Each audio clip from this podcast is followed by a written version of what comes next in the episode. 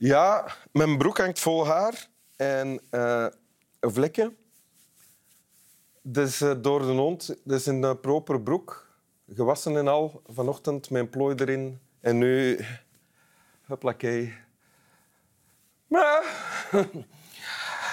Welkom in Winteruur, Mario Daneels. Dank je wel. Um, je bent schrijver, auteur, journalist, mm -hmm. um, correspondent en schrijver. Was je al op je 18, want toen heb je een boek gemaakt en uitgebracht uh, over Paula, ja. onze uh, kon toenmalige koningin. Toenmalig. Een boek dat al gelijk 250.000 keer verkocht is toen. Oeh, 30.000. 30 ah, ja. okay. ah, ja. Dat was toen al ontzettend veel, ja. I wish. Oké, okay. okay. maar toch, ja, een boek. En voordien, voor je dat boek op je 18 had geschreven, was je al, heb ik mij laten vertellen, schreef je al artikelen voor uh, Het Volk en voor de Dakloze Krant. De Dakloze Krant was het, uh, mijn eerste publicatie, ja, ja. toen ik 15 was, denk ja. ik. En sindsdien ben je blijven schrijven als uh, auteur van boeken mm -hmm. en journalist. Ja. En dus nu correspondent in Ierland, waar je woont. Al twintig jaar. Ja. En speciaal voor Winteruur ben je van het Ierse Derry naar uh, Johnny Gall tegen Derry. Ja. Ah ja, oké. Okay. Naar, ja. naar Oostende uh, gevaren met de boot mm -hmm. om, uh, om hier te komen praten. Waarvoor dank. Graag gedaan. want je hebt een tekst meegebracht. Wil je die voorlezen? Absoluut. We waren pas acht jaar en hadden vele dromen. We geloofden dat het leven mooi zou worden. Jullie de Grote, bezorg ons een betere wereld. Je leest dit voor vanop?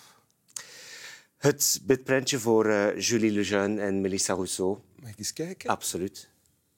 Dat is het, het, het rouwprentje.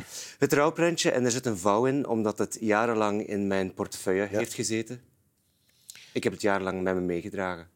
Wat was je daarbij op die begrafenis dan? Ik had herexamens de dag van de begrafenis. Dus ik kon niet gaan. Ik wou absoluut gaan. Um, maar ik kon dus niet. Ik ben... Hoe oud was jij toen? toen uh... 15? Ja, ja. Toen ze teruggevonden werden. Ja. Ik was, ja.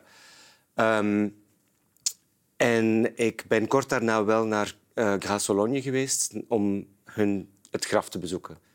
Want je was daar al mee bezig dan, voor je 15 ook, voor ze werden teruggevonden? Uh, toen ze verdwenen zag ik ergens een oproep. Ik kan me niet meer herinneren waar precies. Van de tante van Melissa. Ja. Om um, opsporingsaffiches te, vers te verspreiden. Ja. Dus die vrouw woonde in Luik. En um, ze stuurde mij... Ik heb daarop gereageerd. Ze stuurde mij een hoop posters Als 13-jarige 14-jarige 14 ja, Mario dan? Ja? Um, en ik ben die overal gaan ophangen. In het Brugse, in het Damse. Uh, waar ik woonde. En ik ben contact blijven houden met die vrouw. En als ik ergens naartoe ging, dan stuurde ze mij een nieuwe stapel om die daar te verspreiden. En ik herinner me nog goed, uh, we belden af en toe. En ik weet nog heel goed dat ze zei van... Maar ze, kunnen toch, ze moeten toch ergens zijn. Ze kunnen toch niet zomaar verdwenen zijn. En toen ze veertien maand na hun verdwijning gevonden werden... kon ik gewoon de omstandigheden niet geloven. Het, het was verschrikkelijk. Mijn kindertijd is eigenlijk geëindigd op een camping in de Ardennen in augustus 96 toen uh, het kleine broertje van een kameraad van mij zei van Julie et Melissa ont été trouvées, elles sont mortes. En toen de details naar boven kwamen van wat er precies met hen gebeurd was, dat ze nog negen maanden in een hel hadden geleefd, in een, in een kerker waar ze niet eens konden recht, in, in recht staan.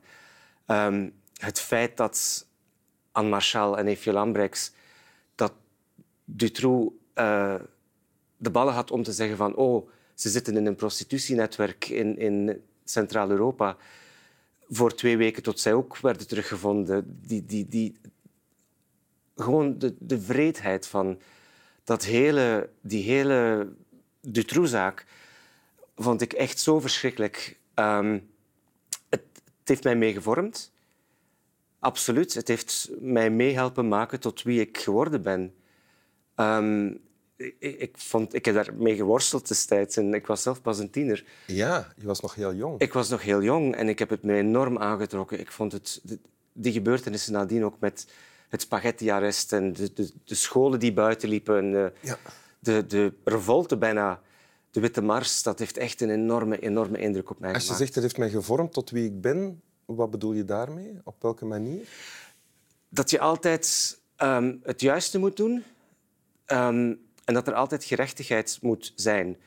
Ehm, en dat, je, dat de waarheid altijd naar boven moet komen. Ik bedoel, er zijn zoveel kansen geweest om die meisjes, zowel Julie en Melissa als Anne en Eefje, levend uit dat huis te halen, die allemaal gemist zijn, Ja. waardoor die martelgang van die meisjes zo lang en, en ontzettend moeilijk is geworden.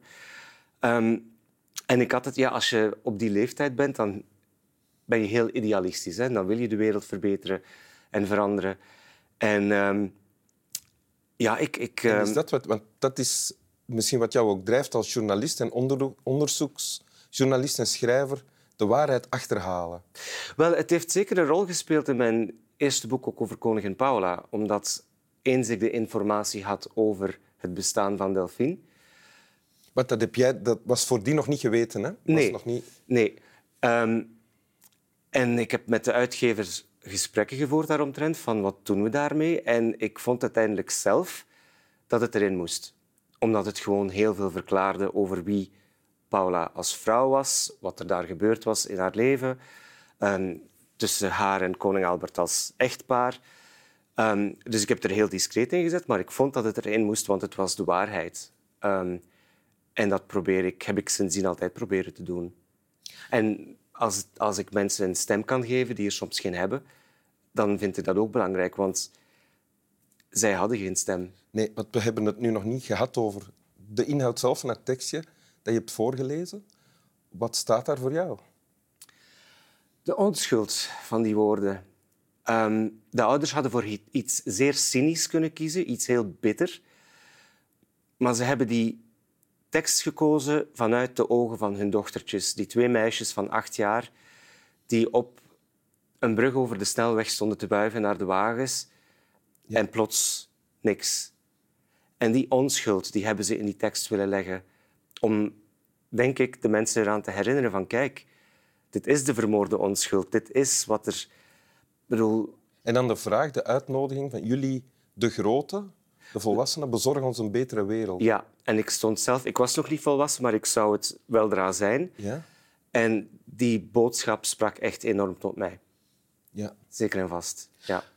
Want als we nu nog iets horen over Dutroux, eh, om de zoveel jaar horen we iets over zijn, hoe heette zijn, eh, zijn vrouw van toen? Die Michel Martin. Ja. Ja. En dan gaat het over Dutroux en Martin en de zaak Dutroux enzovoort. En Julie en Melissa en ook Anne en Eefje zijn eigenlijk ondertussen namen geworden. Ja, en dat vind ik eigenlijk ook heel erg. Ehm, want het kan me niet schelen dat Dutroux een pot Nutella wil in plaats van het Aldi-merk of dat Michel Martin in de, bij de kapper gezien is in knokken. Zij moeten in de vergeetput, wat mij betreft. Maar we moeten blijven, ons blijven herinneren wat het offer is dat die meisjes gebracht hebben voor België. Ehm, de hele commissie die daarna is opgericht. En ehm, Ja, wat er allemaal veranderd is. ja, inderdaad. Eh, Rijkswacht en politie die één zijn geworden, bijvoorbeeld. betere richting van, eh, werking van het gerecht, eh, hopelijk toch. Ehm, ook het opsporen, de, de reactie op het opsporen van kinderen als die verdwijnen, en niet enkel in België, maar over heel Europa. Child Focus heeft een hele ketting in, in gang gezet. En Child Focus is een rechtstreeks resultaat van de verdwijning van Julia, Melissa en Ellen Eefje. En ik weet nog, toen ik op mijn achttiende in Brussel ging wonen, waren hun portretten overal in cafés, op de trappen van het Justitiepaleis. Maar ik denk, als je een twintigjarige deze foto toont en vraagt wie zijn dit, dat ze het misschien niet meer weten. En dat vind ik eigenlijk heel jammer.